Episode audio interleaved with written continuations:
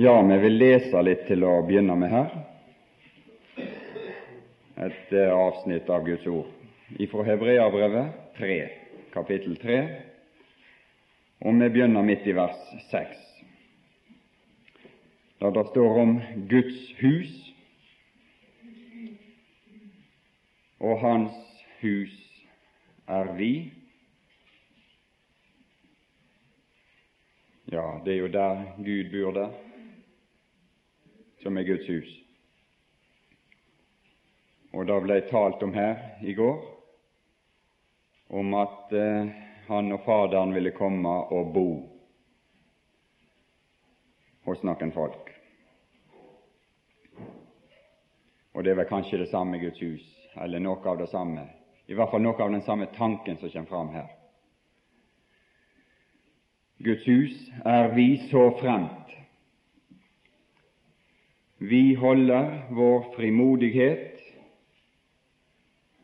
Og dette brev taler om frimodighet. Og dette brev taler om vår frimodighet.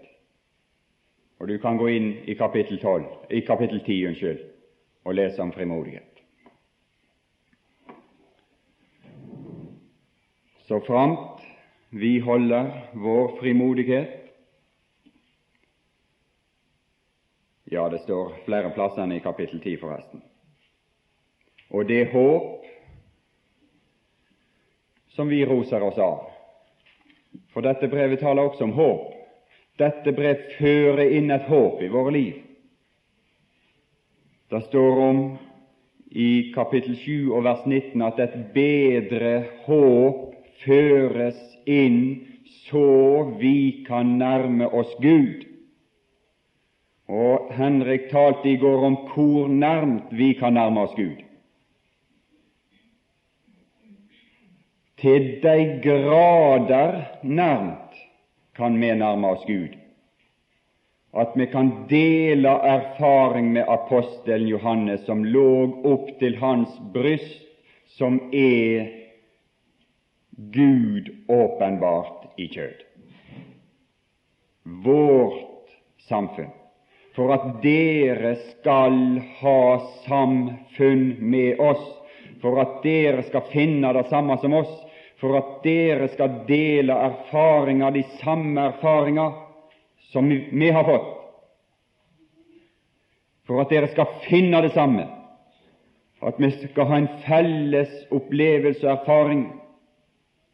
Derfor har jeg skrevet dette.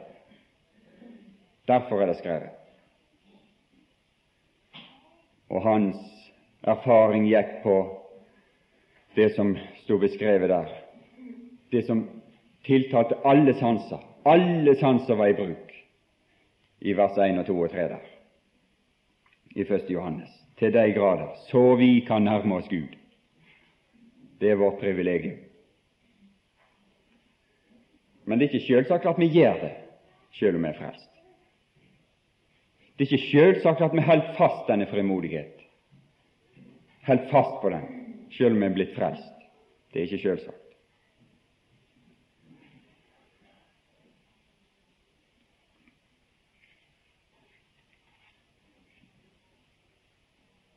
Og det håp som vi roser oss av, fast inntil enden derfor, fordi det forholder seg slik.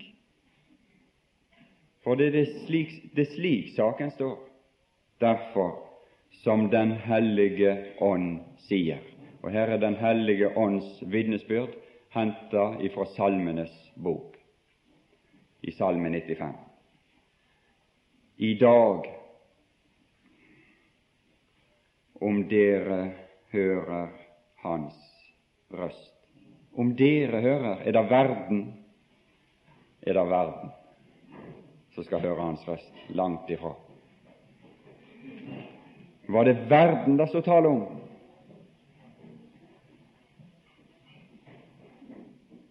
Nei, det står et spørsmål i vers 16. Hvem var det? Hvem var det vel som hørte den? Hvem var det? Var det verden? Var det hedningene? Var det de som sto utenfor? Når det refereres til forbildet i den gamle pakt.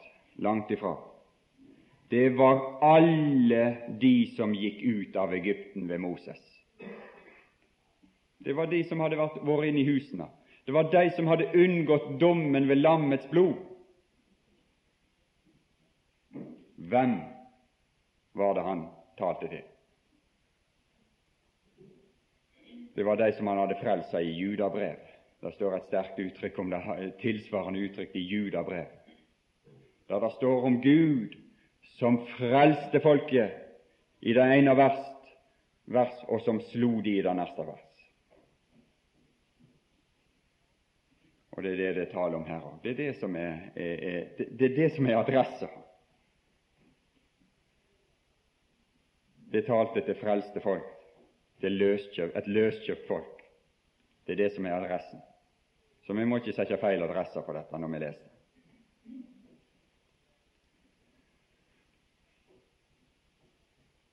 Det står også tale lenger ned om brødre. Brødre. Han taler til brødre.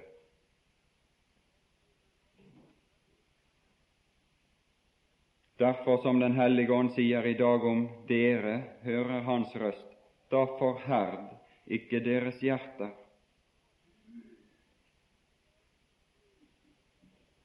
Det er noen som tror at Guds problem med oss, det er våre legninger, det er vår natur. Det er våre begjæringer, våre drifter, om du vil, og våre lyster osv. Det er et stort problem for oss. Men egentlig er det ikke det som er Guds problem med oss. Det er noe som er mer enn merkelig, og det er at en mann som heter David, er omtalt som en mann etter Guds hjerte. En mann som hadde veldig sterke drifter og hadde veldig store svakheter i sin karakter, hadde veldig store svakheter i sin natur, og som i visse ubevokte øyeblikk også gav etter for slike svakheter. Denne mann er omtalt som en mann etter Guds hjerte. Hvorfor det?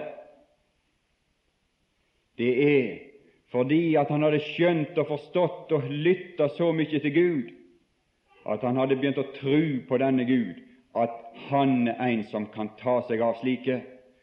Han er en som kan ta seg av de som lytter til han, og de som vier sitt hjerte til han, og de som, de som vil høre han. Og så kan Gud ta seg av den villeste person, om du vil.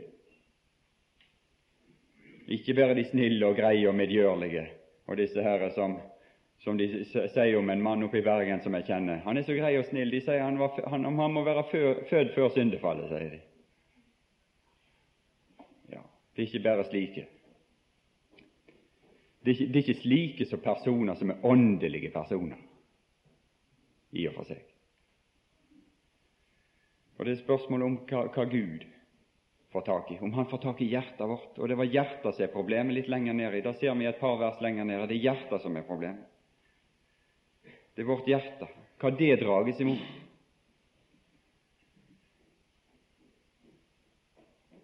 Forherd ikke deres hjerter som ved forbitrelsen på fristelsesdagen i ørkenen, hvor deres fedre fristet meg. Satte Gud på prøve, altså. Det er vel det foreldre av og til sier til barna når de er umulige. Du må ikke friste meg, ikke er det de sier. Du kan, du kan friste dine foreldre til å slå. Det er vel det, kanskje det uttrykket som, som ligger, enn det som ligger i dette uttrykket. Enda, ja, enda de hadde sett mine gjerninger i 40 år. Hvis folk bare får se mirakel, hvis folk bare får se Guds store inngrep og Guds store handlemåter, så skal det liksom bli tro og velstand. Ja, ja, du kan bare lese i Mosebøkene, så kan du se hvor mye tro og hvor mye velstand og hvor mye bra forhold det ble i Guds menighet av et folk som hadde sett mer av inngrepen av Gud direkte framfor sine øyne enn noen andre kanskje har sett noen gang senere. Det er ikke den. Det, det er ikke det. Det er ikke det. Det er ikke, det er ikke veien. Derfor harmedes jeg på denne slekt og sa, de farer alltid vill i hjertet, men de kjente ikke mine veier, for Gud har noen veier som han ønsker å gjøre oss kjent med, og som vi bare kan bli kjent med ved å nettopp lytte til denne røst som her taler. Og det er noen gode veier. Det er en god vei, for det er en vei som i kapittel 4 vers 3 går inn til hvil. Det er dit den veien leder. Men de kjente ikke mine veier. Så svor jeg i min vrede. Sannelig, de skal ikke komme inn til min hvile. Se til, brødre. Ja, det er det som er, det er, det som er adressa. Det er det som er det er, det, det er de han taler til. Det er til brødre. Se til, brødre, at det ikke i noen av dere er et ondt, vantro hjerte, så han faller fra den levende Gud, men forman hverandre hver dag. Forman hverandre, står det, og da må du være sammen med andre hvis du skal bli formant. Og Derfor er det også kapittel 10 og vers 25. Legg så veldig bredt for dette at vi ikke forlater vår egen forsamling, altså det at troende folk kommer sammen for å formane, om du vil, og oppmuntre. Egentlig er det vel samme ord. Formane og oppmuntre hverandre, så det står der, til kjærlighet og gode gjerninger men forman hverandre, og her står det enda til hver dag. Så det er ikke nok med et kurs en gang i året. Det er ikke nok med ei samling en gang i året. Det er ikke nok med, med, med, med, med sånn sommersamling. Det er ikke nok. Langt ifra. Det er det daglige, det er det pulserende, det er dette dag-til-dag-livet med Gud som til. Og det er det som bygger opp resultatet i deg som troende. Det er ikke et kurs som dette. Det kan være greit, og det kan være nødvendig, og det kan være greit å få tilskyndelser her, og få tanker, og få utlagt Guds ord. Men det er, ikke, det er ikke det du må leve på. Det er ditt dag-til-dag samfunnsliv med Herren som bygger opp noe i deg. Du må få Han inn, du må få Han inn, du må be Han inn i din heim, som de gjorde, disse Emmausvandrerne. Det var ikke nok at Jesus hadde gått på veien med dem og holdt en svære bibeltime for dem. Det var ikke nok. Han satte de på prøve, Jesus, ved at han gikk videre. Han lot som om han ville gå videre. Han var interessert i hvor mye de hadde fattet av det han hadde sagt. Og hadde de latt han gå videre, så hadde han gått videre. Men de nødde han til å komme inn, til å være hos seg og bo hos seg. Og så kom han inn der, og så gikk han inn der. Og det er det vi må. Du må ikke være fornøyd med om du hører en mer eller mindre god bibeltime. Vi kan jo ikke noen her sammenligne oss med han som holdt bibeltime på Emmausveien. Det kan vi ikke. Men vi kan være mer eller mindre gode, og om noen, noen er begeistra for den ene, og noen er begeistra for den andre, det er nå engang slik. Vi, vi, har våre favoritter ofte med her. Og vi synes at han er bra, og han er bra, og osv. Sånn. Det er så. Det får være så. Men vi må ikke la oss nøye med det. Du må be Han inn. Han inn i, i, i din heim til å dele samfunn med Han i det daglige. Forman hverandre hver dag, står det her. Taler med de andre troende om disse tingene. Det er godt, det. At vi har noen som vi taler fortrolig sammen med om ting. Så vi kan være frie, legge fram alle ting formane hverandre hver dag så lenge det heter i dag, for at ikke noen av dere skal forherdes ved syndens svik. Det er syndens vesen. Den svik deg. Ja, ja, ja. Ja, ja, ja. Det var en rik mann en gang som trodde det at han skulle bli tilfreds når han bare fikk bygd seg stor nok låve og fikk nok korn inn i den låven. Hvis du bare får deg opprette en bankkonto og nok inn på den kontoen, så, så å, da skal jeg sette meg ned og så si til min sjel slå deg til ro. Ja, ja, det er syndens svik, det. Du skal oppleve at det, svi, at, at, at, det sviker det. Men her er en annen som det står tale om i dette brev, som ikke svik, som aldri skal svike, som ingenlunde vil slippe deg, og ingenlunde vil forlate deg. Det er Han som kan gjøre deg tilfreds, og ingen andre. Og ingenting annet. Det er ingen virksomhet og det er heller ikke noe organisasjon, for så vidt. Og det er ingen tilhørighet i denne verden, og det er ikke noe arbeid eller noe sånt som kan gjøre deg tilfreds. Men det er opplevelsen og forståelsen av Han som er slik at Han ingenlunde vil slippe deg, og ingenlunde forlate deg. Men synden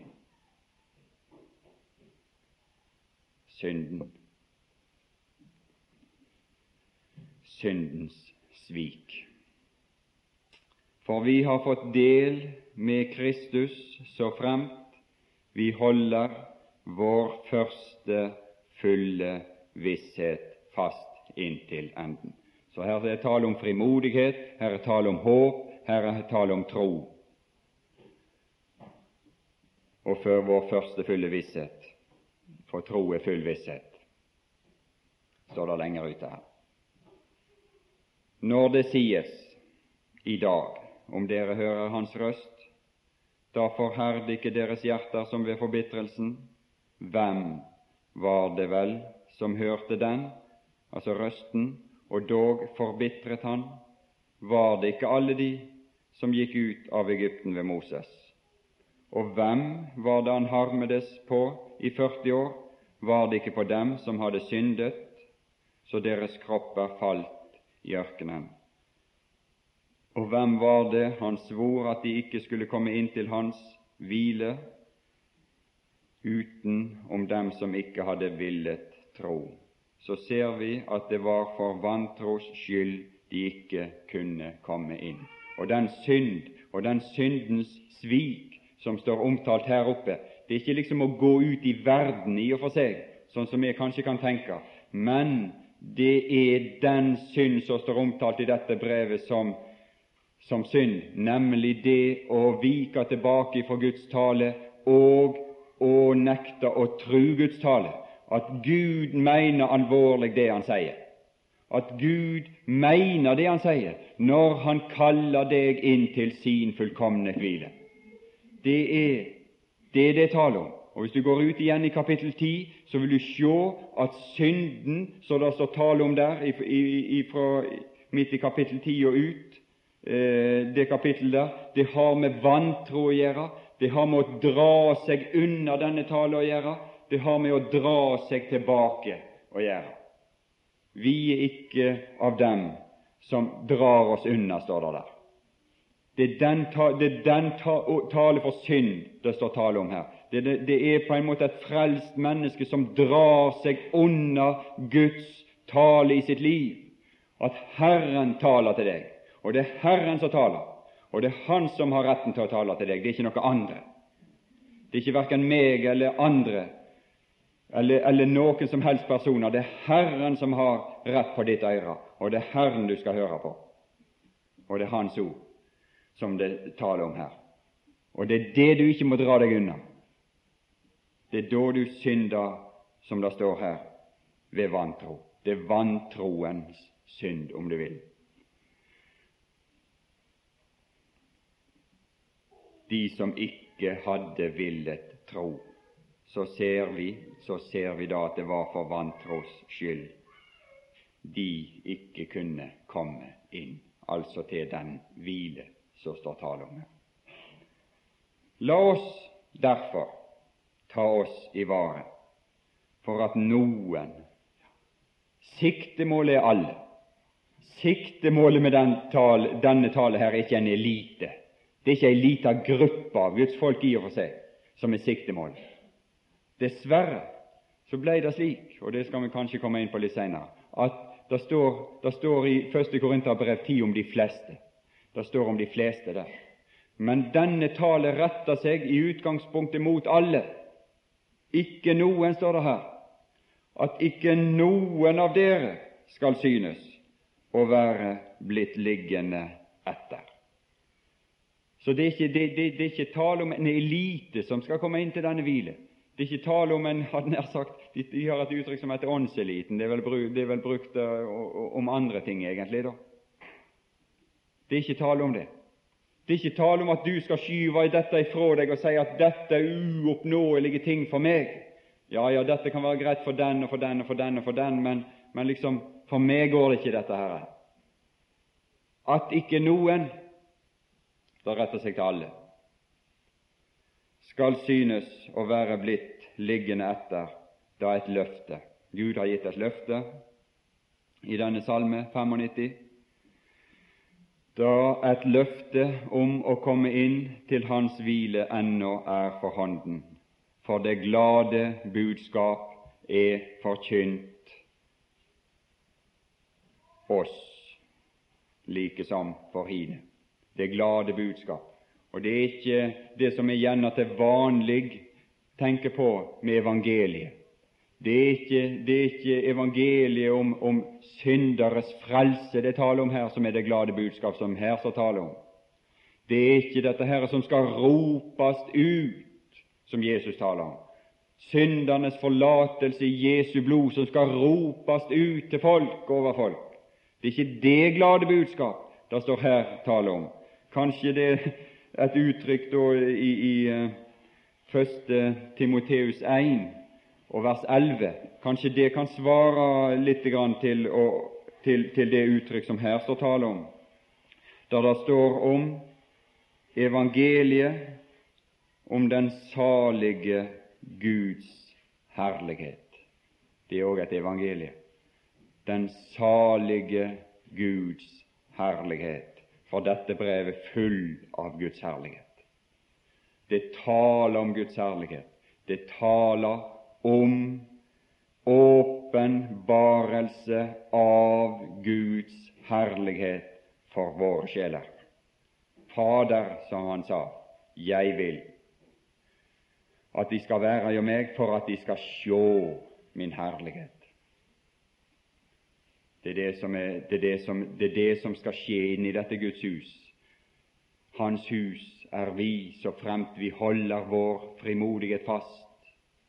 Du vil aldri få oppleve og erfare de, i, i, i ditt liv som troende her Guds herlighet om du ikke holdt din frimodighet til å gå inn i helligdommen fast om du ikke holder fast på den frimodigheten, som det endatil står i kapittel 10 har stor lønn. Du skal oppleve at å holde fast på den frimodigheten skal tilføre deg verdier. Kast ikke bort din frimodighet, som har stor lønn. Og det var det de opplevde, de gamle troende, når det står om at den som tror, den som treder fram for Gud, må tro at Han er til, og at Han lønner den som søker Han. Han tilfører verdier til den som søker Han. Og det er det hele Hebreabrevet 11 taler om. Det taler om personer som fikk oppleve, som søkte og trådde fram for denne Gud, og som opplevde at denne Gud tilførte de verdier i livet av evig art, som var faste, sikre verdier, bestående verdier, og at han lønner den som søker Han. Kast ikke bort din frimodighet til å tre deg inn i helligdommen innenfor Gud, der Guds herlighet er åpenbar, for den har stor lønn. Du skal oppleve det at det blir tilført deg verdier i livet.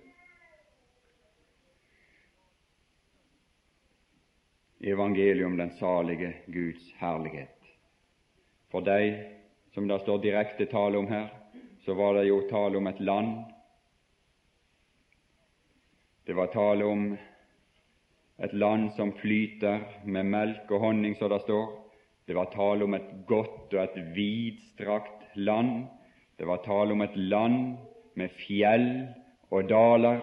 Det var tale om et land som beveger seg i alle dimensjoner, som hadde alle egenskaper, som hadde alt. Et land som hadde alt. Det er vel kanskje noe av det Feserbrevet 3 taler om i dette uttrykket som står der om i vers 18, der det står om å være rotfesta og grunnfesta i kjærlighet, som vi må være i stand til å fatte med alle de hellige hva bredde og lengde og dybde og høyde der er. Hvor er der er? Jeg eh, personlig i hvert fall så vil jeg tro at det uttrykket der refererer tilbake til vers 9 der det står om husholdningen med den hemmelighet som har vært skjult fra evige tider i Gud, og som vi nå har fått opplysning om ved apostelen Paulus' forkynnelse. Han har fått i oppgave å opplyse alle om hvorledes husholdningen er med den hemmelighet som har vært skjult fra evige tider i Gud, som har skapt alt. I en annen, Det er også brukt litt ulike uttrykk der i ulike eh, sånne såkalte grunnskrifter. Det står om samfunnet, hvorledes samfunnet er. Nå er nå vel den mest pålitelig der så her, her det står om husholdningen, kanskje. Men det har, med, det har med en husholdning, det har med en måte å ordne og stelle sitt hus på. Økonomi er ordet på gresk forresten for, for husholdning. Det er altså de lover og regler som gjelder i et hus. Det er det det betyr. Husets lover betyr økonomi, rett oversagt. Husets lover. Det er den måten Gud ordner sitt hus på. Det er det som, som, som ordet taler om. Og her står det tale om å være i stand til å fatte med alle de hellige. Og her igjen, det, det, dette her er inkluderende, det retter seg til, all, til alle. Forkynnelsen retter seg til alle Guds barn. Ikke noe unntak, ikke noe elite, men til alle. At vi var i stand til å fatte med alle de hellige hva bredde og lengde og dybde og høyde der er i denne husholdningen. Og det er det som nå er forkynt oss. Det er, dette, det er, ikke et land, det er ikke noe jordisk, det er ikke noe synlig, men vi har fått del i et himmelsk kall.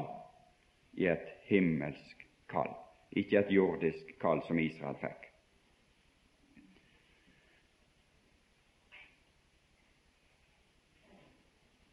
For det glade budskapet er òg forkynt for oss, like som for hine, men ordet som de hørte, ble dem til ingen nytte, fordi det ikke ved troen var smeltet sammen med dem som hørte det for vi går inn til hvilen.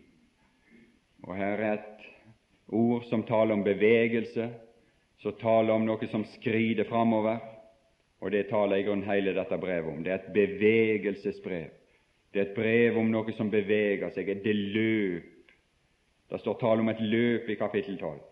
En, en, en kappestrid, et løp. Og Dette brevet har mange paralleller med Første Korinterbrev kapittel 9 og 10, der det også taler om i kapittel 9 om et løp, en veddekamp, en kamp. Det er noe som skal bevege seg framover. Vi går og går og går. Det, det som jeg sa i stad, så taler det også om veier. Det taler her om Guds veier. De farer alt de vil i hjertet, sto det i kapittel 3 og vers 10, men de kjente ikke mine veier. Og hans veier, de leder nemlig til det som står her, for vi går inn til hvilen. Det er der Guds veier leder. Inn til hvilen. Vi som er kommet til troen, således som Han har sagt. Det er et brev om noe som beveger seg, et løp. Det står tale om et løp i kapittel 12. Den, en, en kappestrid, et løp. Og Dette brevet har mange paralleller med 1. Korinterbrev kapittel 9 og 10, der det også tale om i kapittel 9 om et løp, en veddekamp, en kamp. Det er noe som skal bevege seg framover. Vi går og går og går. Det, det som jeg sa i stad, så taler det også om veier. Det taler her om Guds veier. De farer alt de vil i hjertet, sto det i kapittel 3 og vers 10, men de kjente ikke mine veier. Og hans veier, de leder nemlig til det som står her, for vi går inn til hvilen. Det er der Guds veier leder. Inn til hvilen vi som er kommet til troen, således som Han har sagt, så svor jeg i min vrede, sannelig, de skal ikke komme inn til min hvile, enda gjerningene var fullført fra verdens grunnvoll ble lagt. For så har Han på et sted sagt om den syvende dag, og det er Gud som har talt om den sjuende dag. Det er ikke noe babylonske sagn som er nedtegnet i Første Mosebok 1, 2 og 3. Det er ikke noen levninger fra noen babylonske sang og sånn som det står i, diverse lærebøker i dag. Det er ikke samling av forestillinger som folk i Midtøsten, ulike, ulike eh, landskap i Midtøsten liksom har, har, hatt om forskjellige ting, og så er det blitt nedskrevet opp gjennom tiden her. Langt ifra. For således har Han, Gud, sagt og det er dette som er den eneste rette og eneste holdbare innstilling til Guds ord. Det er den innstilling som Hebreabrevet lærer oss, det er den som Den hellige ånd har sagt, sto det om, og da blir det sitert en salme. Og lenge, Lenger ute så har det òg Den hellige ånd sagt, og så blir det sitert en profet. Og så her står det 'som Han har sagt', som Gud har sagt, og da blir det sitert fra Første Mosebok helt i forbegynnelsen. For så har Han på et sted sagt om den syvende dag. Og Gud hvilte på den syvende dag fra alle sine gjerninger. Og det er i det fullendte, det er i det fullkomne du kan hvile. Det er da du hviler. Det er der de opplever De har, de har jo bygd hus, folk her, kanskje. Når liksom huset står ferdig, når arbeidet står ferdig, når det står der, så opplever du noe ved å betrakte dette. Du kan gå og betrakte, du kan gå og se på det, du kan gå, gå, gå og nyte dette her, og så kjenner du noe av denne hvila. Ah, det, det er et arbeid som er fullført. Nå skal vi flytte inn i et fullført arbeid. Og du vet, så er det den forskjell på Gud og det som Han gjorde, og det som vi gjør, at vi begynner å rive ned neste uke fordi at det var en vegg som ikke sto akkurat der som han skulle. Men Gud gjorde det ikke på den måten. Han betrakta alt i detalj, og så så han at alt var fullkommen. Alt var fullkommen. Og så satte han seg ned, og så hvilte han på den syvende dag. Og så hvilte han i det fullkomne, i det fullendte. Og det er den hvile det står tale om i dette brev. For denne brev er, dette brev er fullt av det fullkomne. Den er full av det fullendte. Den er fullt av det som er urokkelig. Den er fullt av det som ikke skal omskiftes. Det er fullt av det som er fast. Det er fullt av det som står trygt. Det er fullt av det som aldri skal omskiftes på noe som helst art. Men det er alt i den usynlige verden. For alt som kan sjåast, det står der i kapittel 1, det skal rulles sammen som ei kåpe som er gått av moten. Som et klesplagg som du har hengende hjemme som er gått av moten som du, du undrer deg på at du i hele tatt eh, bar en gang. Og, og Det skal rulles i sammen og kastes bort. Men dette brev åpenbarer en verden som aldri skal rulles sammen, som er fast og som er trygg, og som ikke skal være gjenstand for omskiftelse.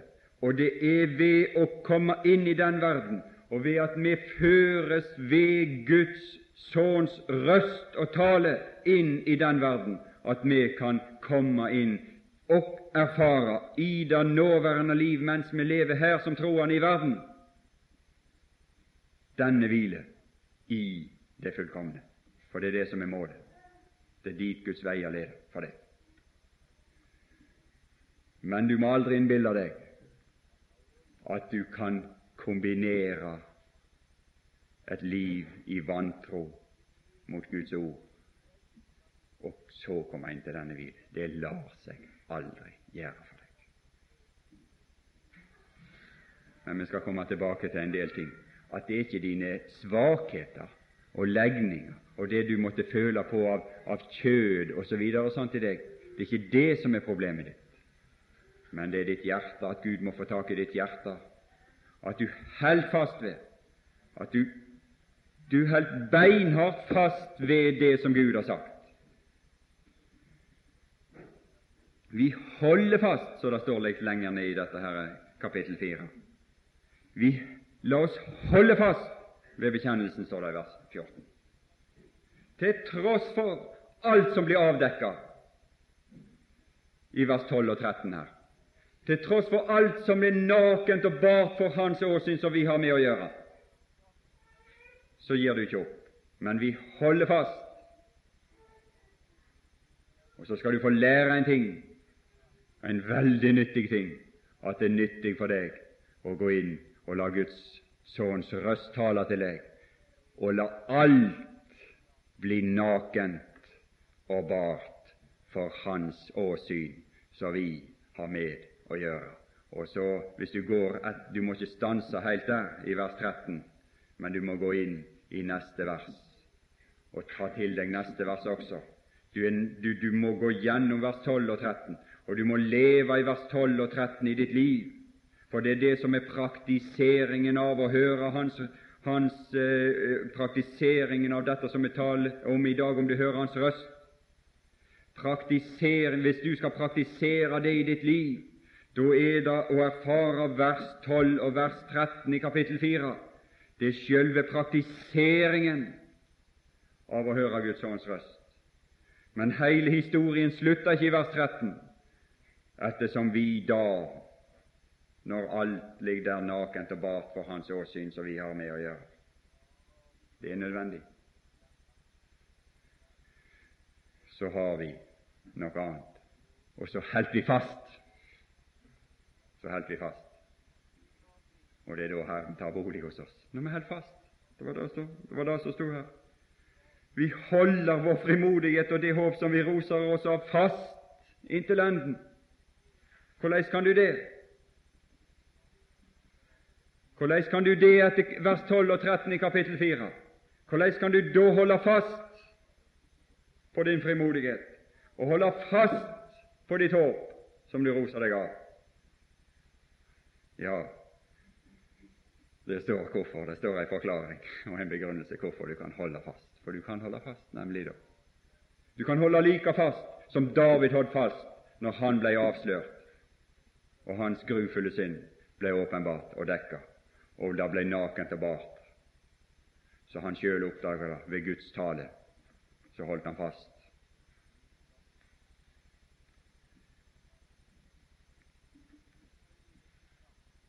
Det er det han vil. Han har sagt han skal ta seg av deg. Når Gud har sagt det, så mener han Og da får du tro på det til tross for alt som måtte finnes av svakheter i deg, så har Gud sagt at Han skal ta seg av deg og ikke forlate deg og ikke svikte deg. Han har ikke stilt betingelser, han har bare sagt at du må tro på han. Det er den eneste betingelsen. Men det må du gjøre.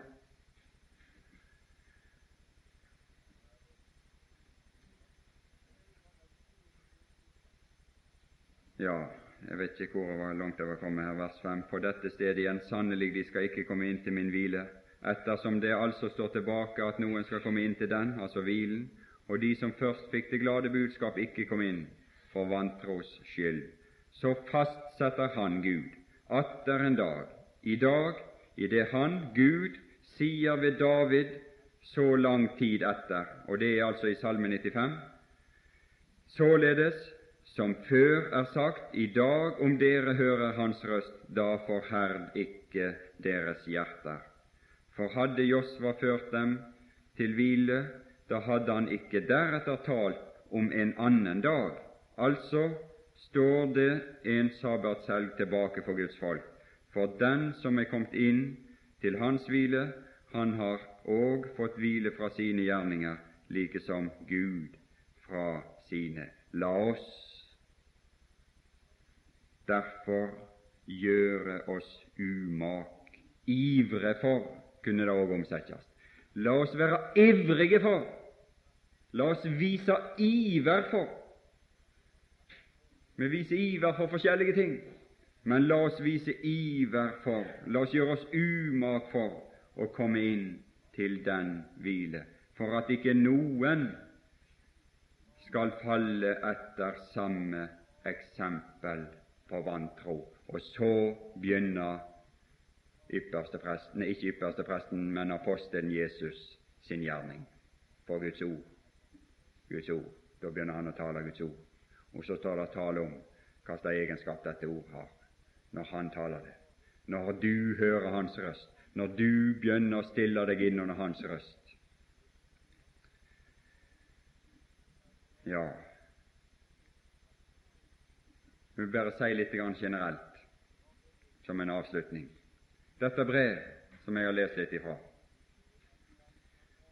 det er en konstruksjon som kan sammenlignes det som vi lærte på skolen, som heter ei ellipse. Og Den var karakterisert ved den at den hadde to sentrum. Den gikk ut ifra to sentrum. Med utgangspunkt i to sentrum så konstruerte du ei ellipse. To brennpunkt ble det vel kanskje kalt. To sentre. Hebreabrevet er slik ei ellipse, som har en fylde, som har et innhold, som har sitt utgangspunkt i to brennpunkt, i to senter. Og disse to brennpunkt, disse to sentre, det er Salme 95 og det er Salme 110. Det er to salmer i Salmenes bok som det hele brevet er bygd på. Salme 95 og Salme 110. Og disse to salmene beskriver nemlig Guds sønn Kristus i to embeter, i to tjenester. Salme 95 beskriver Kristus som apostel, og Salme 110 beskriver Kristus som ypperste prest. De har sitt motbilde i Det gamle testamentet i to personer, nemlig Moses og Aron. Apostelens tjeneste står omtalt i kapittel 3, og der står det i vers 5 at Moses var vel tro i hele hans hus, altså Guds hus, som tjener til Og her er apostelens tjeneste beskrevet så kompakt og grundig som det kan til å vitne om det som skulle tales. Det er apostelens tjeneste. Det er han som vitner om det som skulle tales. Det er tjeneste som retter seg imot vårt øyre. Det er tjeneste som har retning imot ditt øyre, imot vårt øyre. Det er apostelens tjeneste.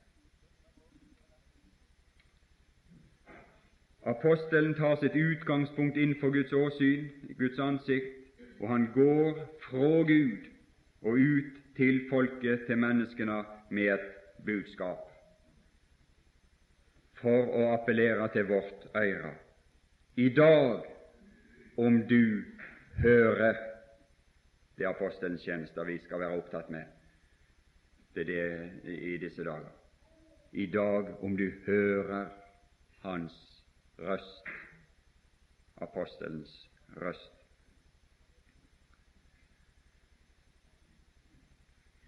Ypperste presten, han taler også, men han vender ikke sin tale mot oss, han vender sin tale mot Gud. Han taler nemlig vår sak innenfor Guds ansikt. Han tas, så det står her, han går den motsatte vei, som det står så greit beskrevet i kapittel 5 og vers 1. Han tas iblant mennesker. Han tar sitt utgangspunkt i mennesker. Han, er iblant mennesker, og så føres han ut ifra menneskene, og så går han inn for menneskene, til tjeneste for Gud for å frembære både gaver og slakteoffer.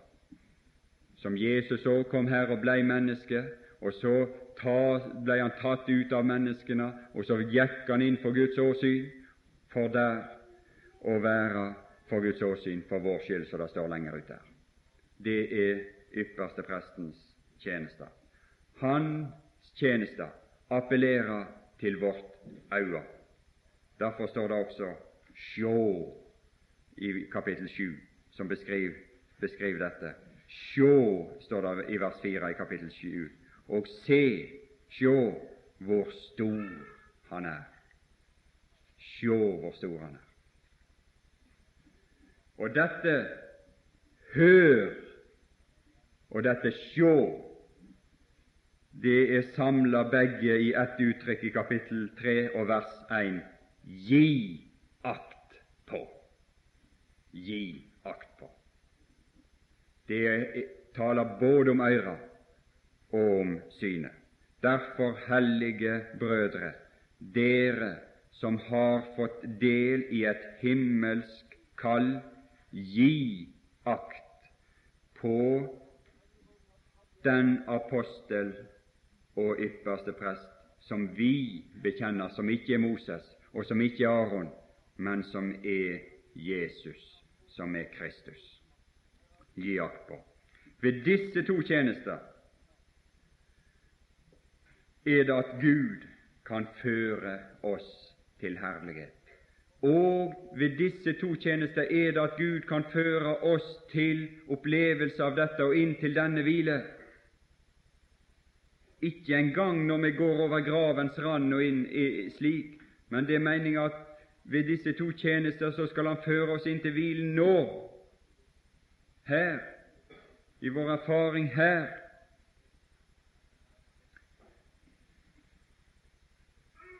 Det ved disse han kan føre, så det står her i kapittel 2 vers 10.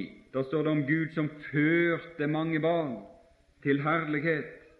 Det skjer ved disse to tjenester.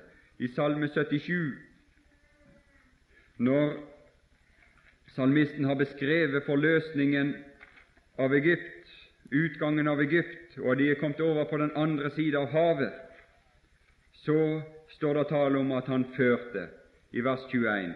Salme 77 avslutter med at du førte ditt folk som en jord ved Moses' og Arons hånd, ved apostelens og ypperste prestens hånd førte du ditt folk, det forløste folk.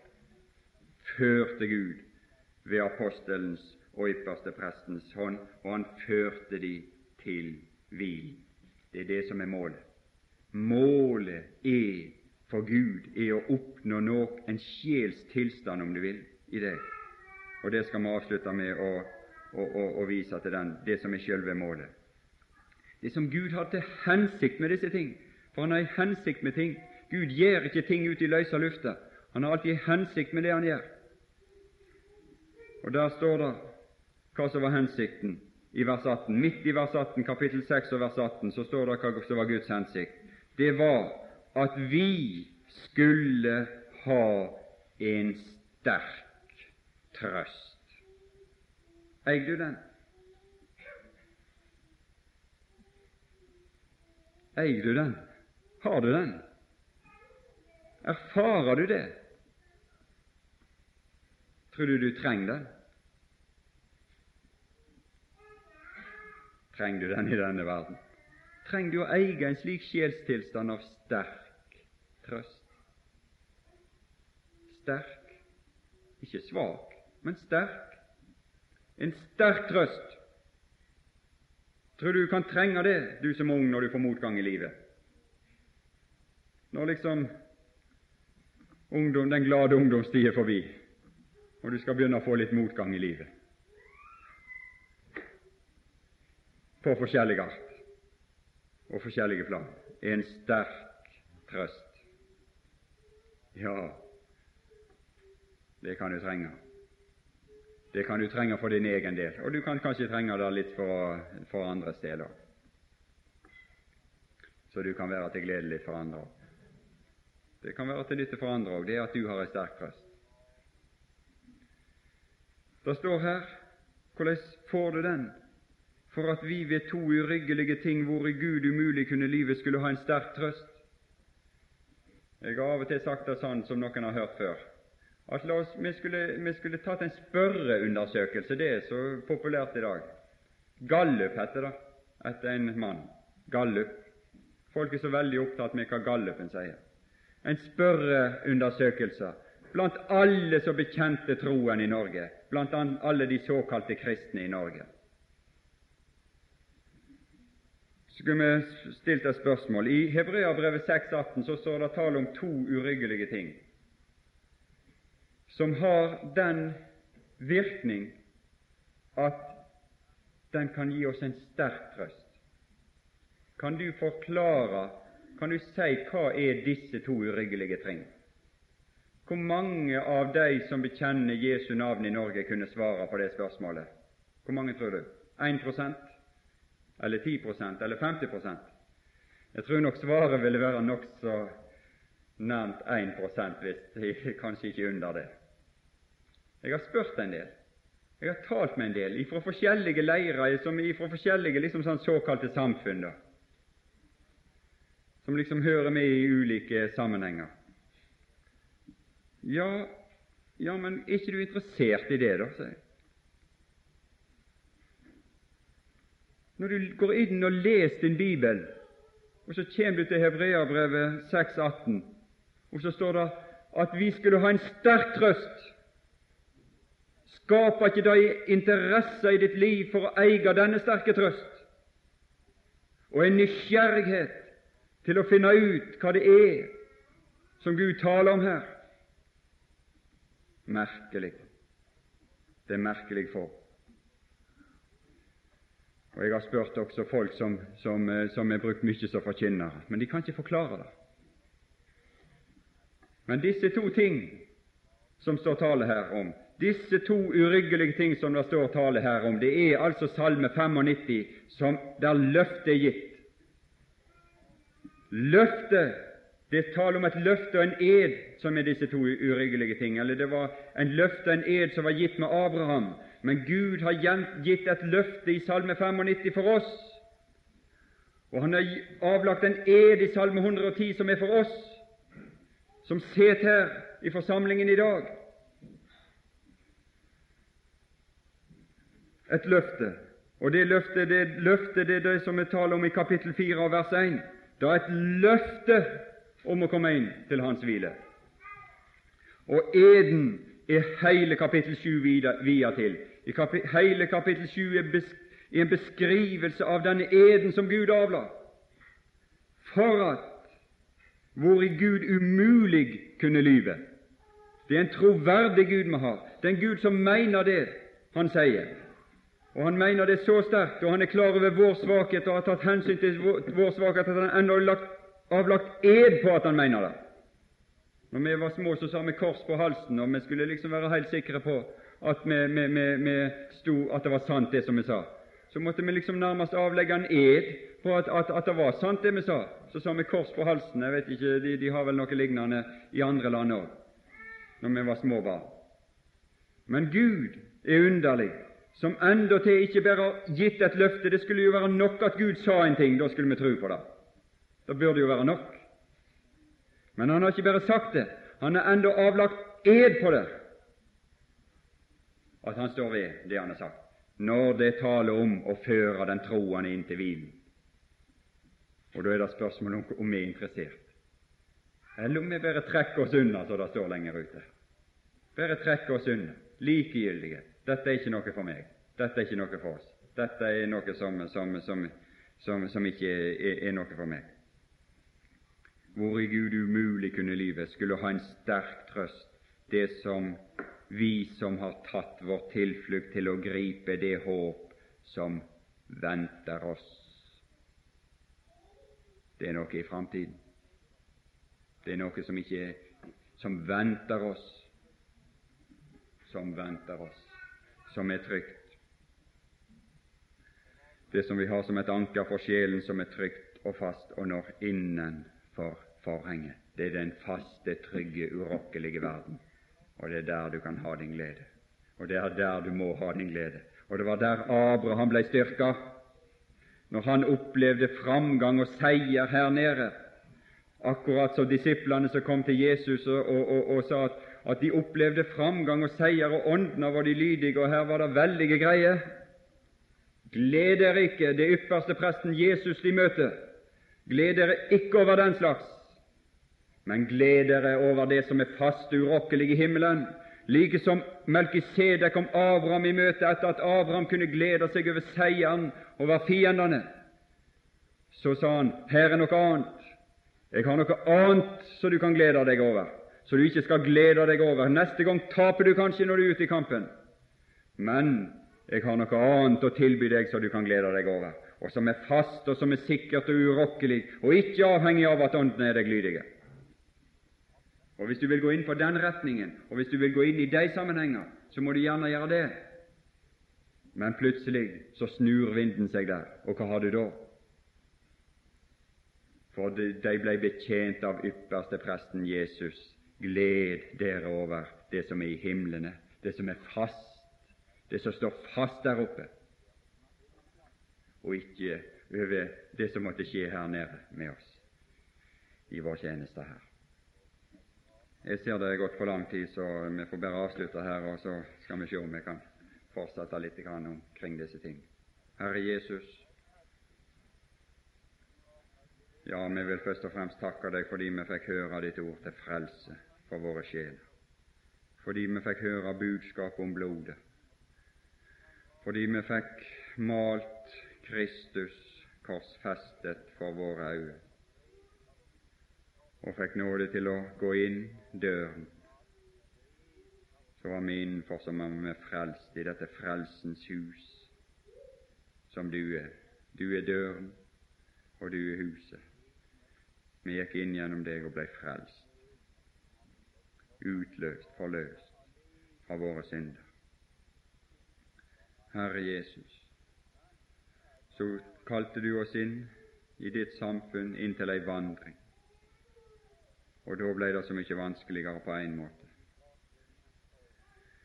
Og da begynte du å tale til oss om usynlige ting, om en verden der framme, om noe som venter oss, om noe som ikke vi kan ta og føle på sånn direkte her, og sånn, men vi må stole og tro på det som du har talt om, den kommende verden som vi taler om det som venter oss. Herre Jesus, da er det vanskeligere. Men Herre Jesus, du ville at ikke noen av oss skulle vike tilbake fra denne tale, trekke oss under denne tale, men at vi gikk inn under din røst og ditt ords hørelse, så det kunne avsette slike herlige frukter i vårt innvortes menneske, at vi eide denne sterke trøst. Og vi ber om at disse dager måtte være med å bidra til dette for den enkelte av oss i vårt daglige samfunnsliv med deg. Herre Jesus, velsigna dagen og samværet denne samling for oss.